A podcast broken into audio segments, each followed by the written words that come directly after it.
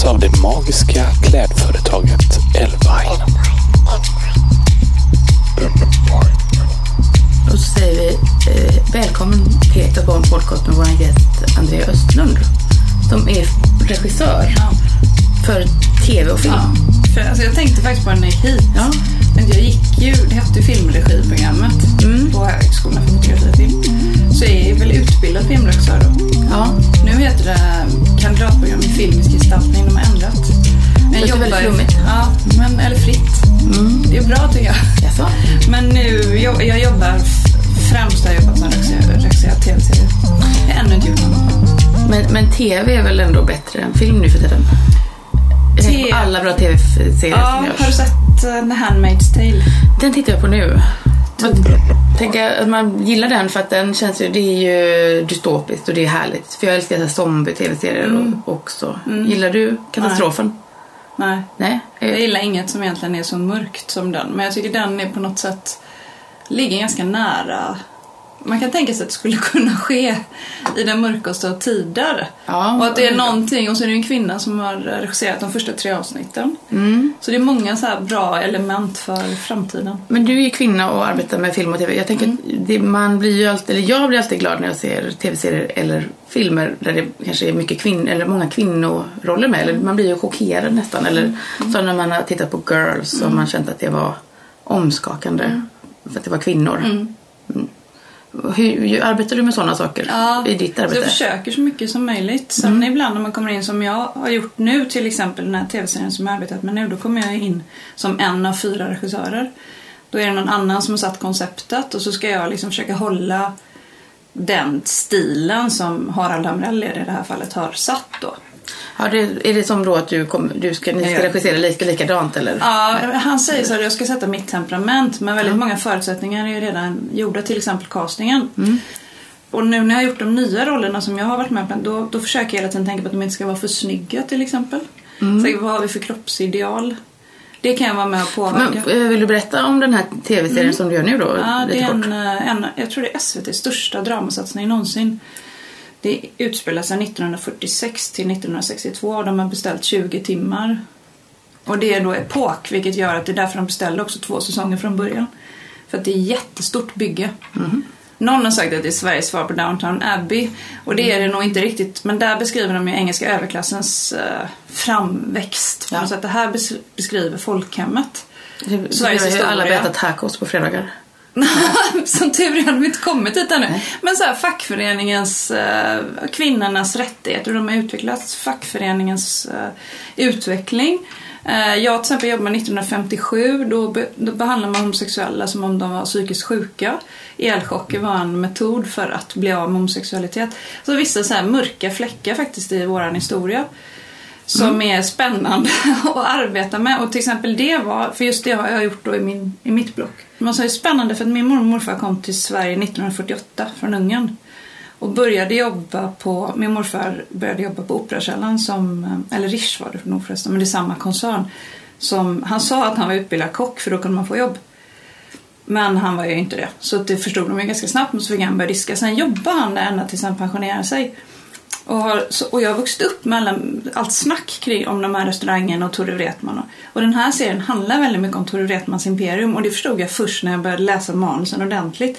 Så för mig blir det också väldigt starkt att det är min morfars berättelse för det finns också en italienare i, i avsnitten. Och på något sätt så är det som att den där italienaren följer parallellt med min morfars liv. Så det tycker jag har varit jätteroligt. Skulle du säga att det var magiskt? Ja, lite. Och det är lite synd att min mormor dog ju här nu ganska nyligen, hon var 100 år. Att, hon aldrig fick, att jag inte fick berätta det för henne. Men när jag städade ur hennes lägenhet då så hittade jag så brev till Tore Wretman. Som hon hade skrivit och brev de hade fått. De hade kopierat så här hälsningar. Och det kände jag var så stort, liksom att jag jobbade med det nu. då. Det, var, det kändes väldigt fint. Men sen har du också gjort den här 30 grader i skuggan eller vad heter februari. Mm, som, den tyckte jag var väldigt Ja, bra. den är fin. Och med väldigt många spännande karaktärer. Jag jobbar ju med Glenns linje där. Och där jobbar vi på ett annat sätt för att vanligtvis om man gör som det här, då gör jag tre timmar avsnitt. Tre avsnitt gör jag. Heter den här måste vi säga också? Vår tid är nu heter den och den börjar sändas eh, i oktober på SVT då. Och på Viaplay så det är ett jättesamarbete mellan dem. 30 grader februari, då var det tre parallella historier som egentligen inte hade några beröringspunkter i princip med varandra mer än att det utspelade sig i Thailand. Så då var vi tre regissörer i varje avsnitt. Jag gjorde hela Glens linje från början till slut. Vilket var ett fantastiskt sätt att arbeta på för att då är jag ju liksom helt ansvarig för hela hans kurva så att säga ihop med författaren. Då. Men det, nej, det var en otroligt fin, fin upplevelse och Kjell är ju fantastisk. Ska du göra en till säsong då eller kommer det? Vi vet inte, kanske. Men nu känner jag väldigt... Jag har på ett tag med ett eget projekt som uh, handlar just om kvinnor och åldrande och sexualitet och kvinnokroppar och vilka, vilka typer av människor som syns på duken. Mm. Så att, jag tänkte på det när jag gick hit. Nu känner jag väldigt starkt att jag vill göra mina egna grejer. Mm. Och att jag vill jobba. Och det är här, jag vet inte om det är att barnen börjar bli stora. Att det, eller att det bara tar lång tid. Jag är nog ganska långsam. Men när man är regissör då, då skriver man ibland liksom sina egna, eller helst vill man göra det eller? Mm. Det är eller? dubbelt både och. Därför jag är lite, jag ska inte säga att jag är lat men jag är, jag är ganska, jag tycker det är roligt att komma på situationer och scener. Men inte sån här som sitter, eh, Anders Weideman som skrev 30 grader i februari. Han är så här, sitter 9 till 4. Och så jobbar han, så skriver han om och om igen. Jag sitter två timmar, så tycker jag, jag skriver ganska snabbt och bra på två timmar. Men jag har lite svårt att fördjupa mig. Ja. Det gör, tycker jag är roligt att göra med någon annans text. Så det, är inte, det måste inte vara det, men däremot har jag väldigt mycket idéer. Och det här projektet som jag håller på med nu, det kom egentligen för att några skådespelare kom till mig och frågade om jag ville jobba med dem. Och så hade de några idéer och sen när vi träffades så fick jag några idéer och så har vi jobbat. Och sen har jag skrivit ner olika situationer utifrån att vi improviserade. Så jag tänker att jag är ganska bra på att se, samla liksom, så här, där händer någonting, ja då tar jag det här, det här kan vi fortsätta med. Men jag tycker det är väldigt roligt när det uppstår ett samarbete och jag tycker det är roligt att ett plus ett blir tre. Jaha. Istället för att jag ska, liksom, jag tror att det blir bättre när man samarbetar. Mm. Men om man är regissör så måste man väl vara, förhålla sig till en grupp ändå? Och inte vara så egoistisk kanske? Nej. Eller? Arbetsledare tänker jag. Arbetsledare. Är man, ja, men tänker du att du är en konstnär?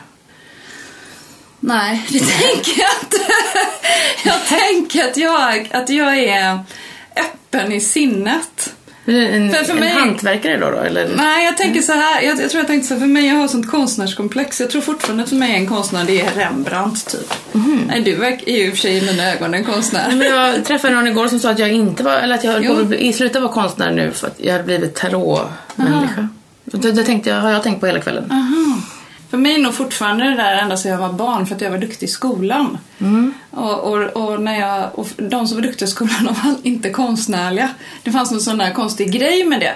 Och sen tror jag väldigt mycket att det har med manlig konstnärsmyt och så att göra.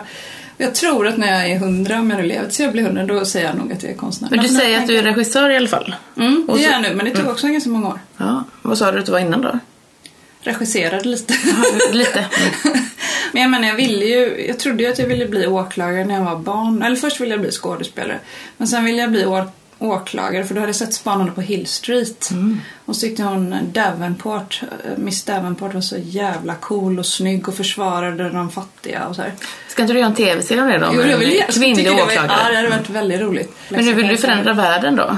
Nej, det Nej. ville jag nog när jag var barn. Och jag höll ju på med teater länge. Jag började egentligen med teater och då var jag helt övertygad om att, att det gick att förändra världen med konst. då. Och då vet inte, jag tänkte just när jag så här att jag hade på ett sätt bättre självförtroende när jag var 24 än vad jag har nu när jag ska fylla 46.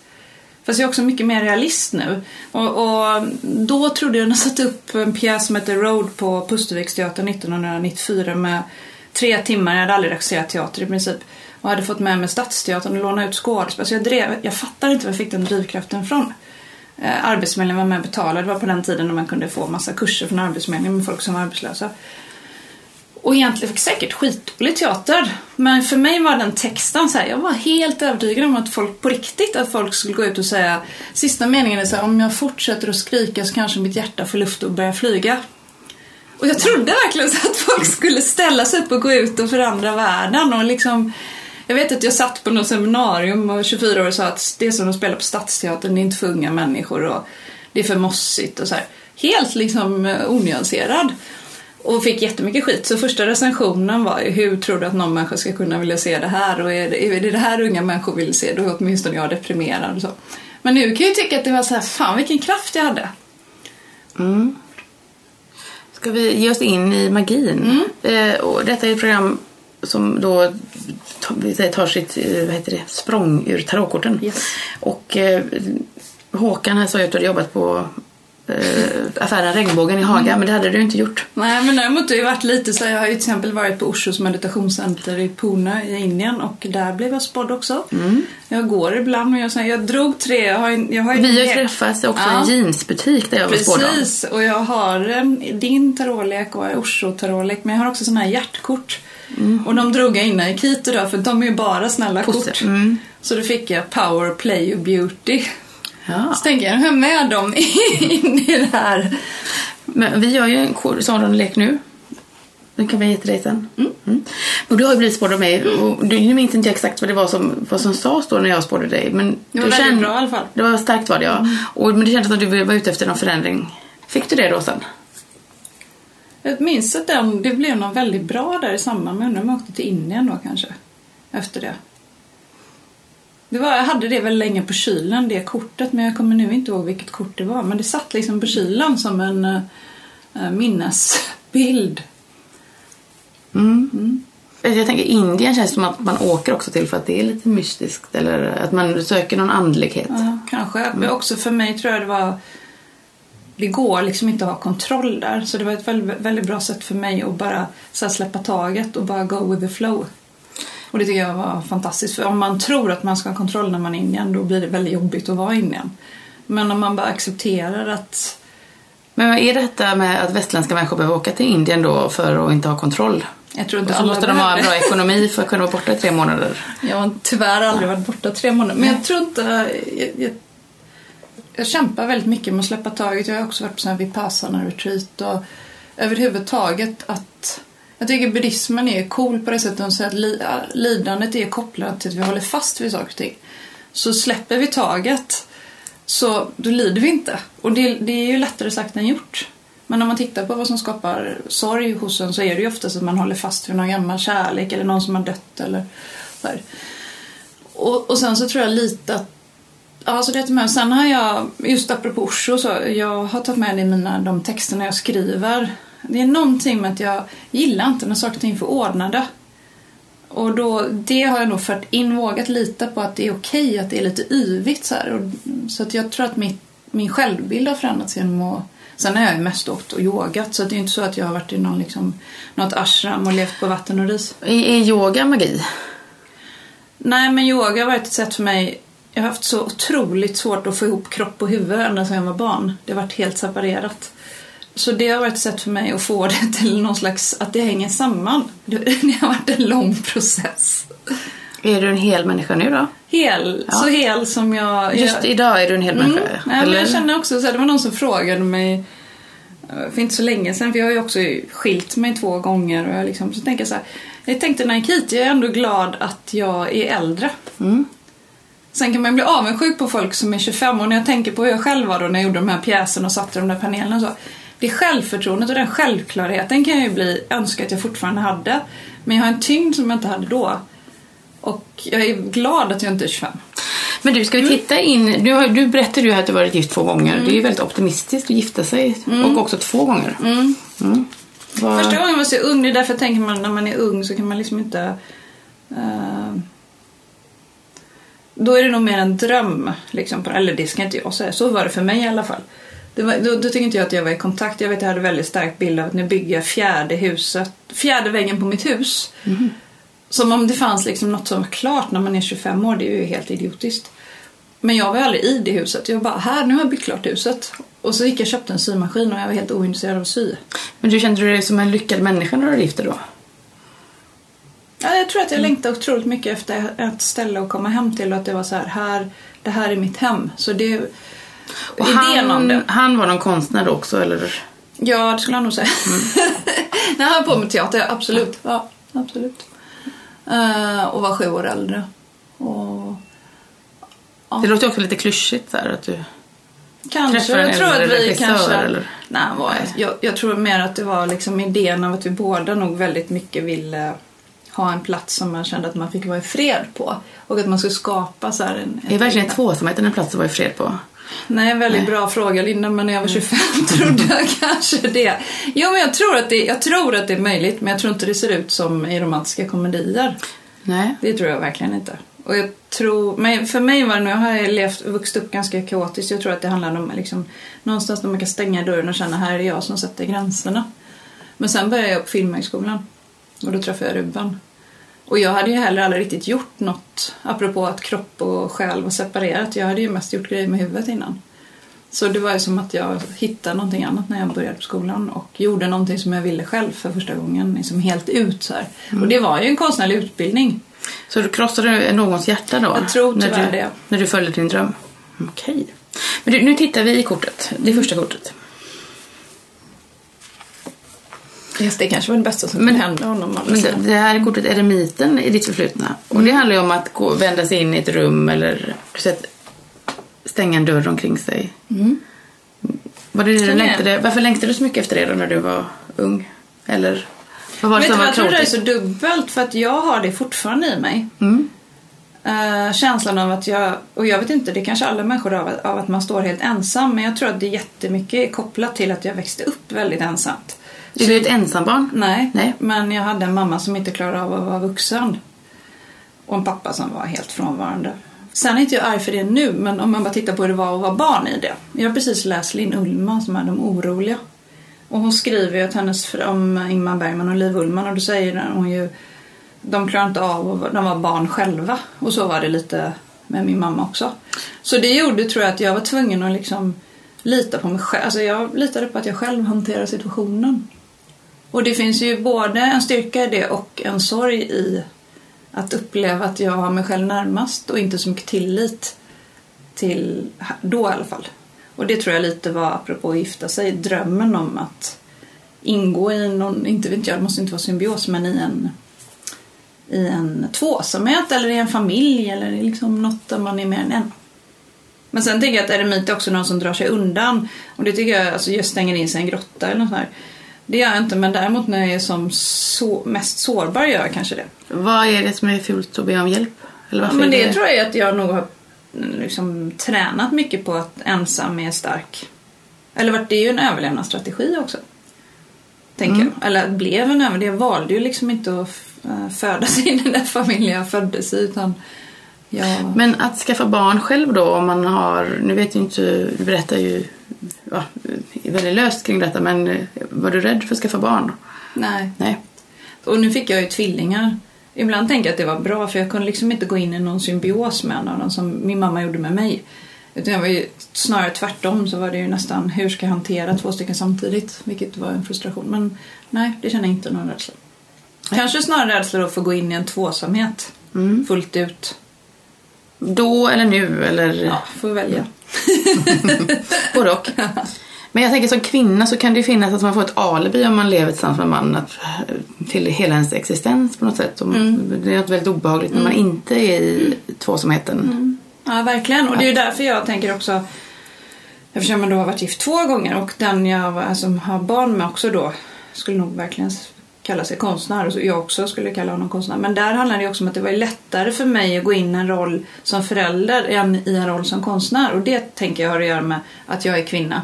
Eller det handlar väl kanske om mig. Men det finns det i alla fall en traditionellare roll. Det var väl lätt att fastna i ett traditionellt könsrollsmönster. Och det känner jag att det är jag otroligt färdig med faktiskt. Men det har tagit lång tid. Jag tänker att som skapande kvinna ska man inte träffa en skapande man. Nej, förmodligen inte. Jag har försökt några gånger. Det är en dålig idé alltså.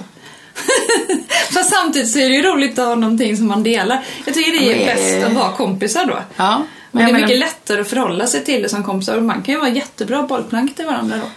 jag känner nästan att man kan nog inte vara vän med en manlig konstnär heller. De är väldigt självupptagna. Men vi tittar på nuet. Vad händer ja. nu? Ja, det blir spännande. Och då är det konsten såklart. Och det är ju det som du ägnar dig åt nu. Vilken bra spårdom det blev. Men, och, och eh, det har vi pratat väldigt mycket om, men det här handlar ju om detta kortet handlar ju om passion för sitt eh, hantverk och sitt arbete och att utveckla sitt konstnärskap. Och Bra det kort. berättade du ju lite här om innan. Vill du berätta mer om ditt skapande? Ja, men jag känner så här, det är ju... Hur bedriver du din verksamhet? Ja, men jag har ju också jobbat på Akademin Valand. Så Mm. pendlat, eller pendlat inte. Jag har varit på Akademin Valand och sen nu har jag jobbat med den här tv-serien. Och då är du lärare där för Ja, då andra? Mm. är jag lärare. Jag har varit lärare på magisterutbildningen och sen i höstas var jag lärare för kandidaterna och var med och tog in dem.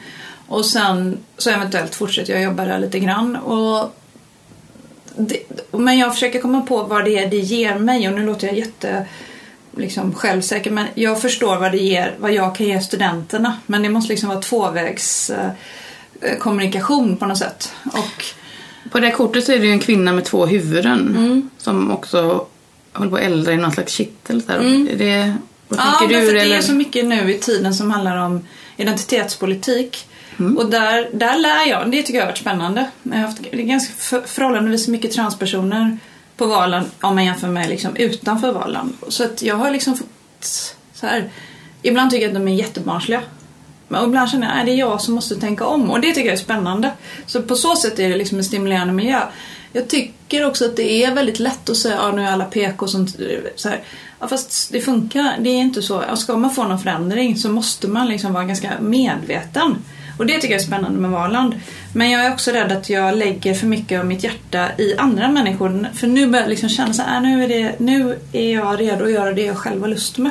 Mm, just det. Så det är liksom en kluvenhet däremellan. mm, för detta kortet handlar väl om att du nu ska välja din, ditt temperament och väg. Mm. Jag är ganska bra på att säga nej. Ja. Jag har sagt nej till massa grejer. Och nu tänker jag att nu är det dags att bara säga ja. Men nu tittar vi fram till den här då. Men det här är jag glad för. Ja, det känns ju som... Okej, då tar jag den. Mm. Nu kommer döden. Nej. Det kommer grymhet. Men eh, eh, detta kortet eh, som ser är ett mörkt kort med nio stycken svärd det droppar blod. Men vet du vad, jag tänker, det känns som du sitter här och är väldigt snäll och trevlig och så. Och om du ska bli en riktigt bra konstnär så kanske du måste våga vara en grym människa. Eller, eller alltså våga ta så väldigt tråkiga beslut. Och, Eller kanske inte som konstnär, men som människa måste man kanske göra ibland val som inte är det. Nej, jag tänker att du ska, om du ska bli den bästa regissören som någonsin har levat. Min brorsa frågade mig det igår, måste man vara en idiot för att bli framgångsrik? Jag tror inte man måste vara en idiot, men jag tror ju att man kan inte fokusera på... Om man blir, blir extremt framgångsrik så är det väldigt svårt att ha samma fokus på flera. Alltså, då måste man kanske ha ett fokus. Och då tror jag att man tränar bort så här skuldkänslor och, för att det blir för jobbigt annars. Nej, för jag, min känsla här när du var, har varit här nu det är att du känns så här, eh, liksom inkännande och empatisk och du den trevligaste gästen nästan vi haft om jag jämför med förra veckan och, så. Men eh, att du kanske liksom också vill att vi ska se dig så. Nej, men det som- känner jag mig ganska trygg med er, men jag känner också att jag blottar mig lite på ett sätt som jag så tänker så här, vill, vill jag är det något du känner att du vill ta bort? Så? här? Nej, det är okej. Men jag tänkte också faktiskt att jag tror att om du skulle fråga mina kollegor så tror jag att de skulle uppfatta mig som sträng. Mm. Du kanske måste bli ännu strängare för jag tycker så här att du ska ju göra jättemycket saker nu. Du ska ju nu bara satsa på din karriär och konsten och, och liksom sluta hålla på och engagera dig i andra hbtq-människor som gör filmer om tråkiga ämnen. Men jag kanske däremot, och jag är ganska... Det var någon som sa, jag vågar inte hälsa på dig Haga, du ser så sträng ut. Och så, Vaha? Så jag tror att folk uppfattar mig som, det var någon som också, jag skulle aldrig vågat gå fram till dig på krogen och så. Så jag tror att jag har en viss eh, integritet som gör att, jag vet inte om det är grymhet, men Nu är detta i framtiden då. Ja, det, här, det, här kanske, det. liksom, det kanske handlar Ja, om just det. någonting... Då kanske det handlar om att du ska tona ner din, eh, din liksom fysiska grymhet då så att mer män vågar gå fram till dig när du är på Jag, vet restaurang. jag tycker den här bilden också är som att det är järnstaket liksom. Och Ja. gränser och... Men grymhet är ju ett hinder ändå för, Mm. no, för någonting i utveckling eller... Men jag är kanske rädd för att göra andra människor ledsna så då kan jag ibland Mm. liksom gå omvägar. Så det är kanske det jag ska strunta i då. Mm, eller som, vi hade ju detta kortet en annan gång och då sa vi att man skulle bli bara en grym människa men det var ju, kändes ju mer banalt. Det tror vi inte på nu.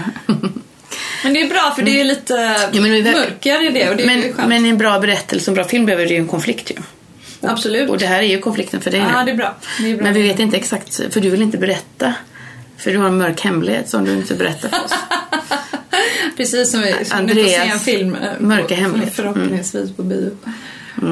Ja, men det här är väldigt spännande i alla fall vad det kommer bli. Men då när vi ses nästa gång jag spår dig så får vi veta vad, det, vad grymmet var. Men, men du får ju också dra ett kort Yes. i en annan kortlek. Som, som kan få nu bli ditt nya kraftkort som du kan ha på kylskåpet. Ja, ska när du tappat bort det andra. Men jag har lagt det i någon låda. Jag slängde det liksom inte utan jag sparade. S i brickor. Och detta är ju ett härligt kort för du ser att det sitter en kvinna som håller för ögonen. Eh, Dels kan det handla om pengar men det är också som att hon blundar för någonting. Vad är det du blundar för? Det är frågan då. Mm. Som jag inte behöver svara på här. jag behöver du inte svara på här men vi vet ju vad det är. Mm. Eh, tack så mycket för att du kom hit Andrea. Tack för att du fick komma. Och, och så ska vi titta på den här tv-serien. Ja. Ja. Eh, Och, och du ska också få en present från vår sponsor Elvine. Oj, vad lyxigt. Det är väl lyxigt? Ja, det var ju helt otroligt lyxigt. Och eh, Oj, oj, oj. det ligger ett brev där då ifall du vill här Ja, Men gud vad